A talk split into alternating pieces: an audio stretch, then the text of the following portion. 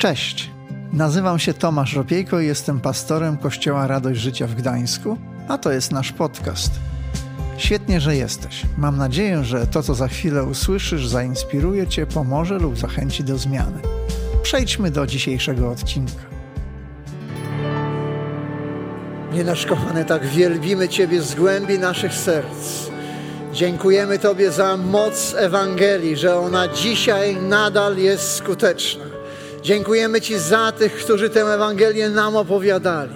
I dziękujemy Ci za to, co ta Ewangelia wywalczyła dla każdego z nas. Oddajemy Ci cześć, oddajemy Ci chwałę. Zaklaszmy, kochani, dla Boga. Panie, to dla Ciebie, to Ty jesteś godzien chwały, to Ty jesteś godzien czci. Dziękujemy, że możemy dzisiaj razem z Tobą świętować. Kochani, to dobry moment, by się do kogoś uśmiechnąć, by komuś podać rękę. Jeśli jesteście w swoich domach, w podróży, gdziekolwiek, pozdrawiamy Was również bardzo, bardzo serdecznie. Zazwyczaj ze świętami wiąże się sporo krzątaniny, krzątaniny różnego rodzaju. I nieraz tego doświadczałem, że w tym wszystkim jakoś zatracamy radość z tego, co świętujemy. Bo to stres, że to wyszło może nie tak, a to jeszcze zapomnieliśmy kupić, a to to, a to tamto, a to siamto. Często tak jest, że jesteśmy skupieni na naszym życiu codziennym i tracimy sprzed oczu to, co wieczne. Gdy my budziliśmy w domu nasze dzieci, czasami przychodziliśmy do nich i mówiliśmy im tak: Wakey, wakey, pobudka, obudź się, który śpisz. Powstań z martwych, a zajaśnieje ci Chrystus. Takie słowa najprawdopodobniej zaczerpnięte z jednego z chrześcijańskich hymnów zawarł Paweł w swoim liście do Efezjan. Zobaczmy więc, co dzisiaj Bogu uda się obudzić w naszych sercach. Jesteście gotowi, żeby spróbować? To zobaczmy, co Pan Bóg dzisiaj obudzi w naszych sercach. A naszą podróż rozpoczniemy od Ewangelii Łukasza, 24 rozdziału, czytamy od samego początku. Natomiast pierwszego dnia tygodnia, ledwie zaczęło świtać, kobiety przyszły do grobowca, niosąc wcześniej przygotowane wodności. Kamień zamykający wejście zostały, zostały jednak odsunięty, a po wejściu do środka nie znalazły ciała Jezusa. Hmm. Gdy już nie wiedziały, co począć, oto nagle stanęli przy nich dwaj mężczyźni w połyskujących szatach.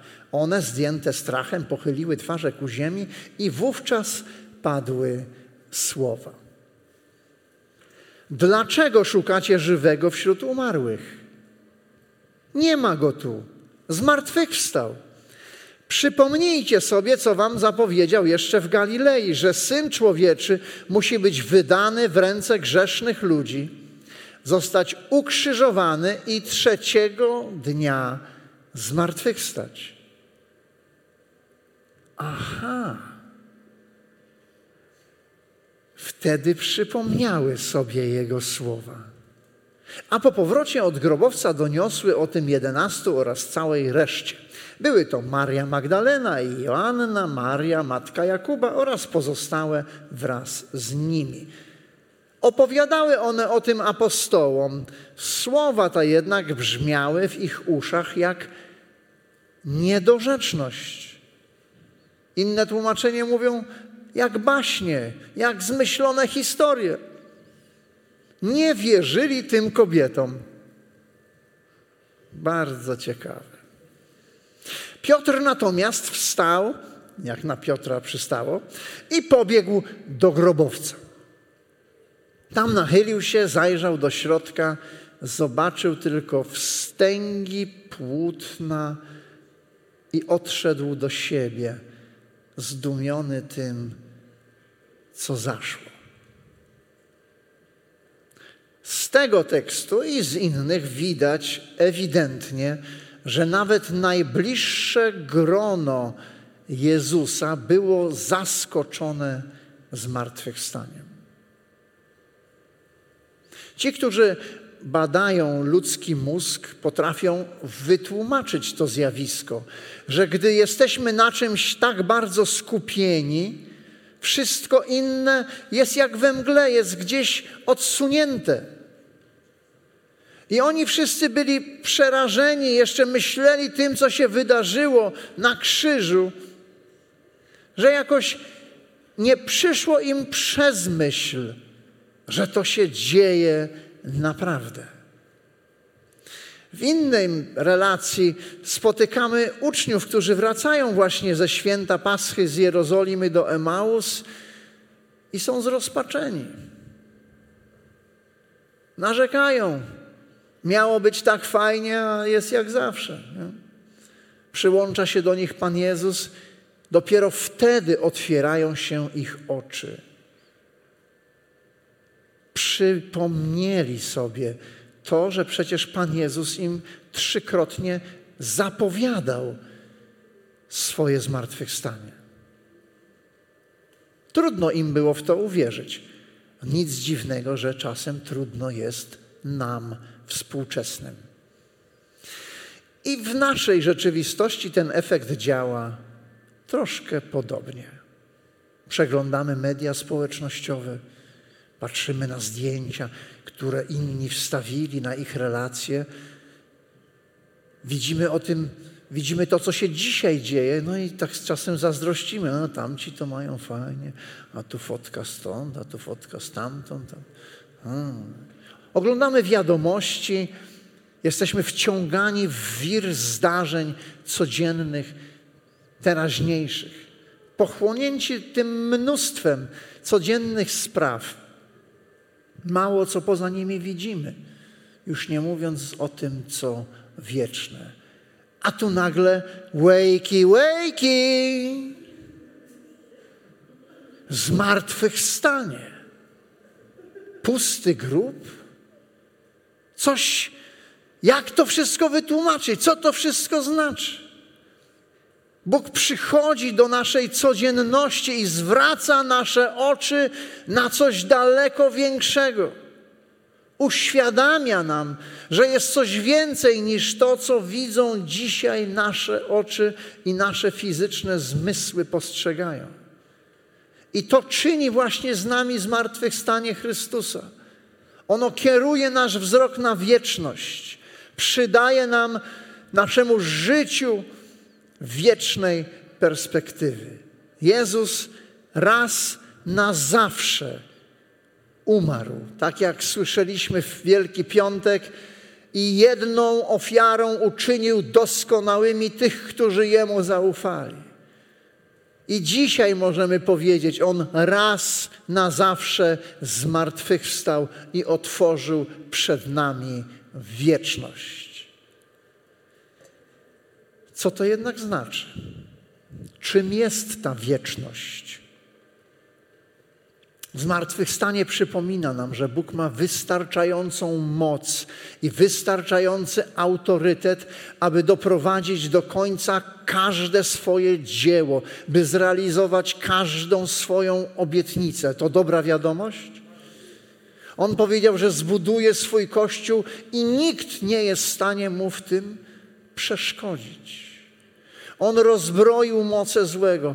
On spłacił nasz duchowy dług. No można powiedzieć, szkoda, że naszych kredytów nie spłacił.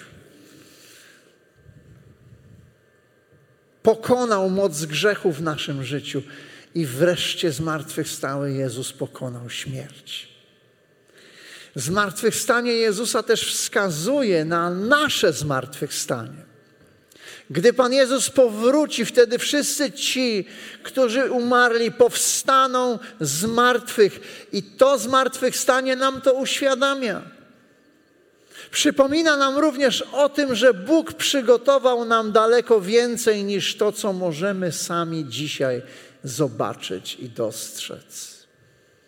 Tak przy okazji serdecznie polecam świąteczną lekturę 15 rozdziału pierwszego listu do Koryntian.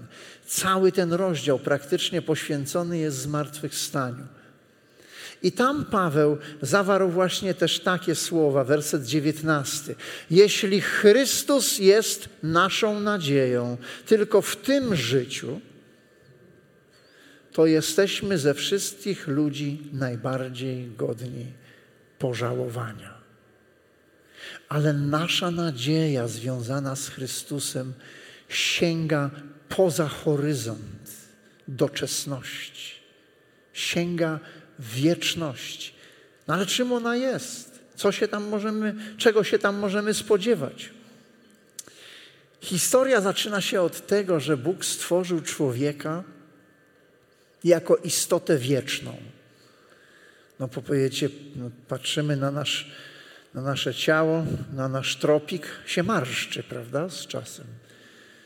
Marszczy się, staramy się to przykryć jakoś tam, żeby się dalej ładnie napinał. No ale on się marszczy, no, no tak jest. Ale nasz duch się odnawia, bo duch jest wieczny, ciało niekoniecznie w takiej postaci. Pięknie oddaje to kaznodzieja Salomona, trzeci rozdział, jedenasty werset. Wszystko uczynił pięknym w swoim czasie. Nawet wieczność włożył w ludzkie serca. Tak jednak, aby człowiek nie mógł w pełni pojąć dzieła, za którego dokonaniem stoi Bóg. Fascynujące. Bóg włożył wieczność w nasze serca, ale zrobił wszystko tak, aby człowiek nie mógł w pełni pojąć dzieła, którego Bóg dokonał. Bóg jest najlepszym we wszechświecie scenarzystą. Nikt nie opowiada historii tak jak On. On nieustająco trzyma nas w napięciu. Jak znakomita powieść, poruszający film albo serial. Niby już coś wiemy, niby wiemy, co się może nawet na końcu wydarzy, ale nie wiemy, jak to wszystko będzie. I oglądamy kolejny odcinek i czytamy kolejny rozdział z wypiekami. Tak właśnie działa Bóg. Pewne rzeczy jasno nam powiedział, a pewne są dla nas tajemnicą. I się zastanawiamy, jak to będzie. Rozmawiamy o tym ze sobą, czytamy, pytamy Boga. Taki On jest. Co więc wiemy o wieczności? No, po pierwsze, wiemy, że się nigdy nie kończy, prawda? Jesteśmy zgodni co do tego? Jan apostoł zobaczył uchylone drzwi do nieba. Czytamy o tym w objawieniu Jana. Czasami są jakieś przecieki z tamtej strony. Różne rzeczy ludzie piszą, mówią, widzą. I my też troszkę tak gdzie zerkamy jakby ukradkiem. Mamy taki sneak peek tego, co się wydarzy, co tam jest po drugiej stronie, jakby przez dziurkę od klucza. Jakby przez uchylone drzwi zaglądamy, co tam jest po drugiej stronie. A co wiemy na pewno? Wiemy, że tam nie będzie chorób, nie będzie bólu, nie będzie łez. Bóg otrzeć każdą łzę. Nie będzie cierpienia.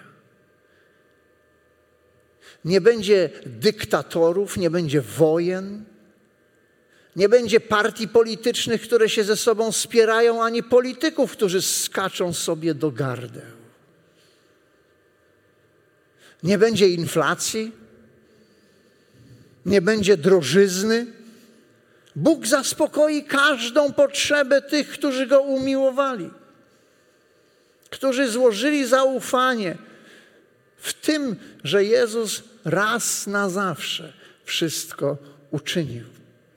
Biblia pewne rzeczy, tak jak powiedziałem, jasno określa, a pewne nie. Wiemy, że każdy z nas umrze. A potem każdy stanie przed sądem. Ci, którzy zaufali Jezusowi, staną przed innym niż ci, którzy go odrzucili. Dla pierwszych sąd będzie oznaczał bardziej rozdawanie nagród, a dla drugich rozliczenie się ze swojego życia.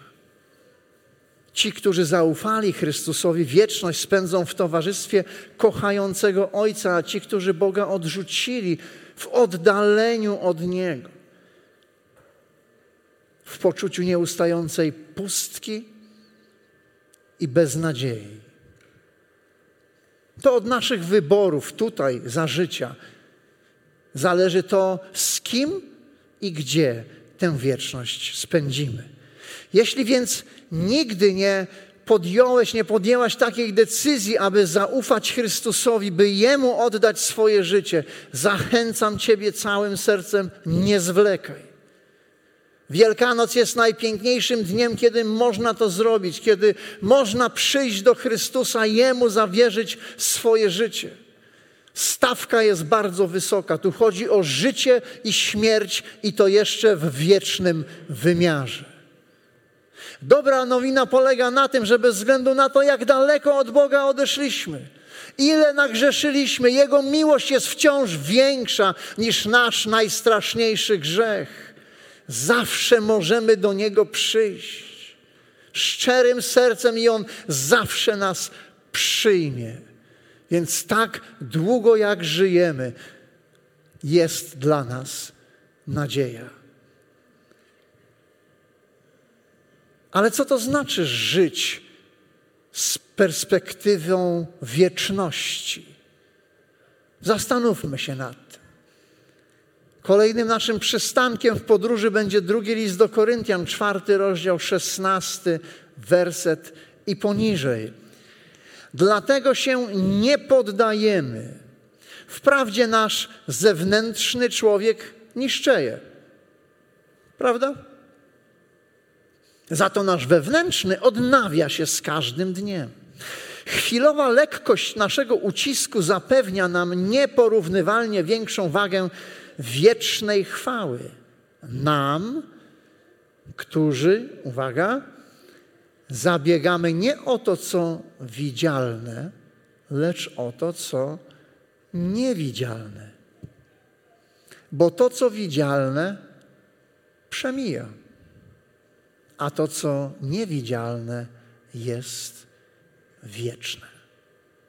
Życie z perspektywą wieczności pomaga nam w przechodzeniu przez różne trudności, wyzwania, bo wiemy, że chwała, którą Bóg przygotował dla nas, przewyższy wielokrotnie ból czy cierpienie, z jakim mierzymy się tutaj na ziemi to życie z perspektywą wieczności również uspokaja nasze serca, nasze wierzące serca, bo odpoczywamy w tej świadomości, że Jezus raz na zawsze załatwił sprawę.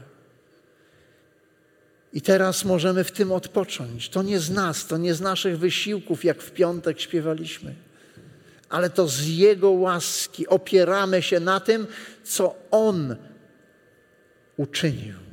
I wreszcie, życie z perspektywą wieczności oznacza dla nas ukierunkowanie naszego życia na to, co jest wieczne. Wypełnia nas z jednej strony radością oczekiwania, więc Trochę mi to przypomina wyczekiwany urlop. Macie czasem urlop? Taki wyczekiwany? Już wszystko kupione, wykupione. I człowiek tylko marzy, jeszcze tylko to zadanie, żeby to skończyć, żeby tamto skończyć. I pocieszamy się myślą, że w końcu ruszymy. A gdy przychodzi dzień przed urlopem, już nie chcemy jechać na ten urlop. No dlaczego nie chcemy jechać? Bo tyle spraw jeszcze trzeba skończyć, spakować się, nie ma czasu i jest to, co moja mama nazywała Reisefiber.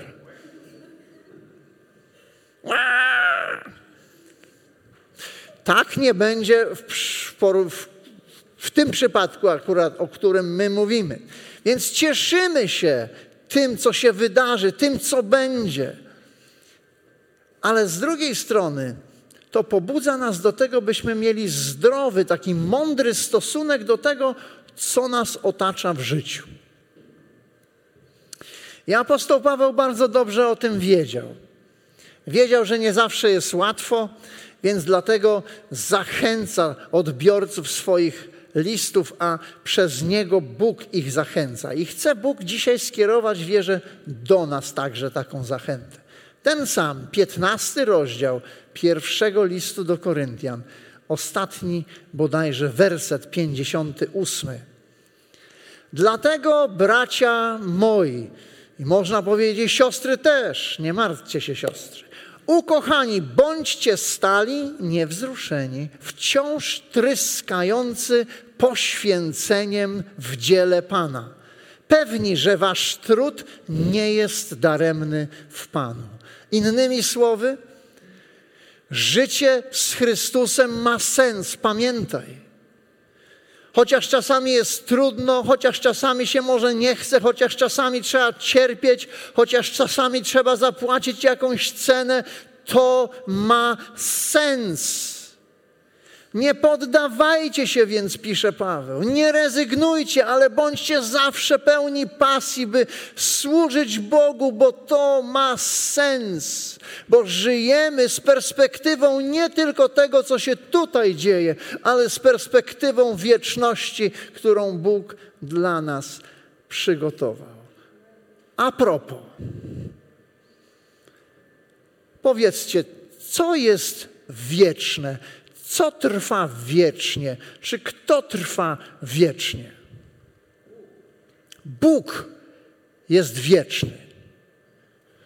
Czy ktoś jeszcze? Czy coś jeszcze? My, czyli ludzie. Ok? Czy coś jeszcze? Czytamy, że Słowo Boże trwa na wieki. Więc mamy Boga, mamy Jego Słowo i mamy ludzi. Wieczny wymiar, więc życie nakierowane na wieczność, czy życie z perspektywy wieczności, znaczy, że jesteśmy nakierowani w życiu na to, co jest wieczne, czyli na Boga, na Jego Słowo i na ludzi. Wszystko inne przeminie, ale te trzy pozostaną. Widzimy, że w ten sposób perspektywa wieczności ma poważny wpływ na nasze wszystkie najważniejsze relacje i więzi. Relacja z Chrystusem to ta pierwsza, najważniejsza. Ona jest jak pierwszy guzik koszuli. Nie wiem, czy kiedyś Wam się zdarzyło źle zapiąć pierwszy guzik. To potem wszystkie inne źle się zapina. Ale jeżeli dobrze zapniemy ten pierwszy, reszta ładnie się ułoży. I podobnie jest w naszym życiu, jeżeli nasza relacja z Chrystusem jest piękna i zdrowa, to ona pomaga nam układać wszystkie inne relacje i więzi, z jakimi mamy do czynienia. Drugą może być więź z nami samymi. Zauważyliście, że jesteśmy sami ze sobą 24 na 7 i to przez całą wieczność? Ja myślę, że warto mieć dobrą relację ze sobą samym. Co myślicie? A to nie zawsze jest takie łatwe, nie? Warto o to dbać, bo my również w naszych sercach mamy wieczność. Ale weźmy relacje z innymi ludźmi, z naszymi bliskimi, najbliższymi, przyjaciółmi, z ludźmi w kościele, w pracy, w sąsiedztwie na uczelni czy w szkole. Nagle do nas dochodzi, że ze wszystkiego, z czym się na ziemi stykamy, tylko ludzie przetrwają w wieczność. Jaki to ma wpływ na nasze z nimi rozmowy, na to, jak ich traktujemy, na to, jak do nich podchodzimy? Nagle się okazuje, że warto ich ratować, bo jak zginą, to zginą na wieki. Nagle się okazuje, że warto ich pocieszać, nagle się okazuje, że warto do nich powiedzieć coś miłego, nagle się okazuje, że warto przy nich stanąć, dodać im siły, gdy słabną, że warto przy nich być, że warto ich kochać. Warto poświęcić dla nich czas, bo są drogocennym skarbem w Bożych oczach. Ale pomyślmy też o troszkę innych relacjach, o relacji z tym, co posiadamy i naszym statusem społecznym. Prawda jest taka, my w domu właściwie jesteśmy na ukończeniu remontu. I żeśmy wyremontowali różne rzeczy i zakupili dóbr różnych, prawda jest taka, nic ze sobą nie weźmiemy na drugą stronę. Więc perspektywa wieczności pomaga nam w zdrowy sposób ustawiać się do tego, co jest tutaj. Pan Jezus mówi: gromadźcie sobie skarby gdzie? W niebie. Cokolwiek to znaczy. A to na rozkminkę świąteczną może się przydać. Więc mamy mieć, czy mamy możliwość mieć zdrowy stosunek do tego, co jest. I wreszcie nasza relacja ze światem, w którym żyjemy. Do jakiego stopnia się mamy angażować? W jakim stopniu zdystansować? Na ile dawać się wciągać w różne sprawy, spory, walki, a na ile stać z daleko od tego? Większość z nas nie widzi dalej niż horyzonty tego świata. I aby skorygować naszą krótkowzroczność, Bóg przepisuje nam korektę wzroku. Abyśmy mogli patrzeć przez obiektyw wieczności. Nagle zdajemy sobie sprawę, że obecne nasze życie jest tylko jak okno możliwości w którym możemy zainwestować w to, co ma wieczny wymiar, co trwa przez całą wieczność. Wakey, wakey, pobudka, obudź się, który śpisz, powstań z martwych, a zajaśnieje ci Chrystus. Gdy budzimy się do tego, co wieczne, wówczas Chrystus coraz bardziej jaśnieje w naszym życiu. Światło wytwarza dobry owoc. Zauważyliście, że bez światła nie ma owoców? Bez światła nie ma życia. Światło jest potrzebne, żebyśmy my mogli oddychać. I to prawo dotyczy nie tylko świata fizycznego, ale i duchowego. Bez Bożego światła nie zajdzie w nas proces duchowej fotosyntezy. Wcześniej w tym rozdziale, w piątym rozdziale, w liście do Efezjan, Paweł kontrastuje ze sobą dwa style życia. Jeden pozbawiony światła, który nie przynosi żadnego pożytecznego owocu, bezowocnym go nazywa. A z drugiej strony styl życia odzwierciedlający naturę Bożego Królestwa i Jego owocność. Dzięki śmierci i zmartwychwstaniu Jezusa zyskujemy świadomość wieczności, ale także moc do prowadzenia stylu życia, który odzwierciedla jej niezwykły charakter. Im więcej światła Chrystusa w naszym życiu, w Twoim życiu, w moim życiu, tym więcej tam smakowitych owoców. Co możemy z tym zrobić? Dziękuję, że zadaliście to pytanie. Zastanówmy się. Na siedzeniach znaleźliście takie karty. Z jednej strony jest napisane raz na zawsze. Krzyż jest tym, co dzieli historię na przed i po. Raz na zawsze. Z drugiej strony znajdziemy werset. Werset z kategorii wakey wakey. O zbudź się, który śpisz. Powstań z martwych, a zajaśnieje Ci Chrystus. I pojawia się bardzo osobiste pytanie: co w moim życiu powinno się pojawić, aby Chrystus pełniej w nim zajaśniał? A gdy on zajaśnieje, z tym światłem pojawi się piękny owoc.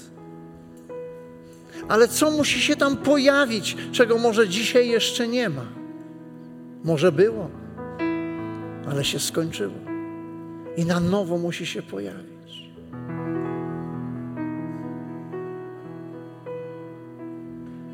I pojawia się słowo postanawiam. Zapytaj się Ducha Świętego, co Bóg chciałby, aby się pojawiło, co Ty wyczuwasz swoim sercem, że powinno się tam pojawić, aby Chrystus mógł zajaśnieć bardziej, aby Twoje i moje życie mogło wydać piękniejszy owoc. Jeżeli nigdy nie oddałeś, nie oddałaś życia Chrystusowi, możesz dzisiaj napisać: Postanawiam oddać swoje życie Chrystusowi i żyć razem z Nim przez całą wieczność.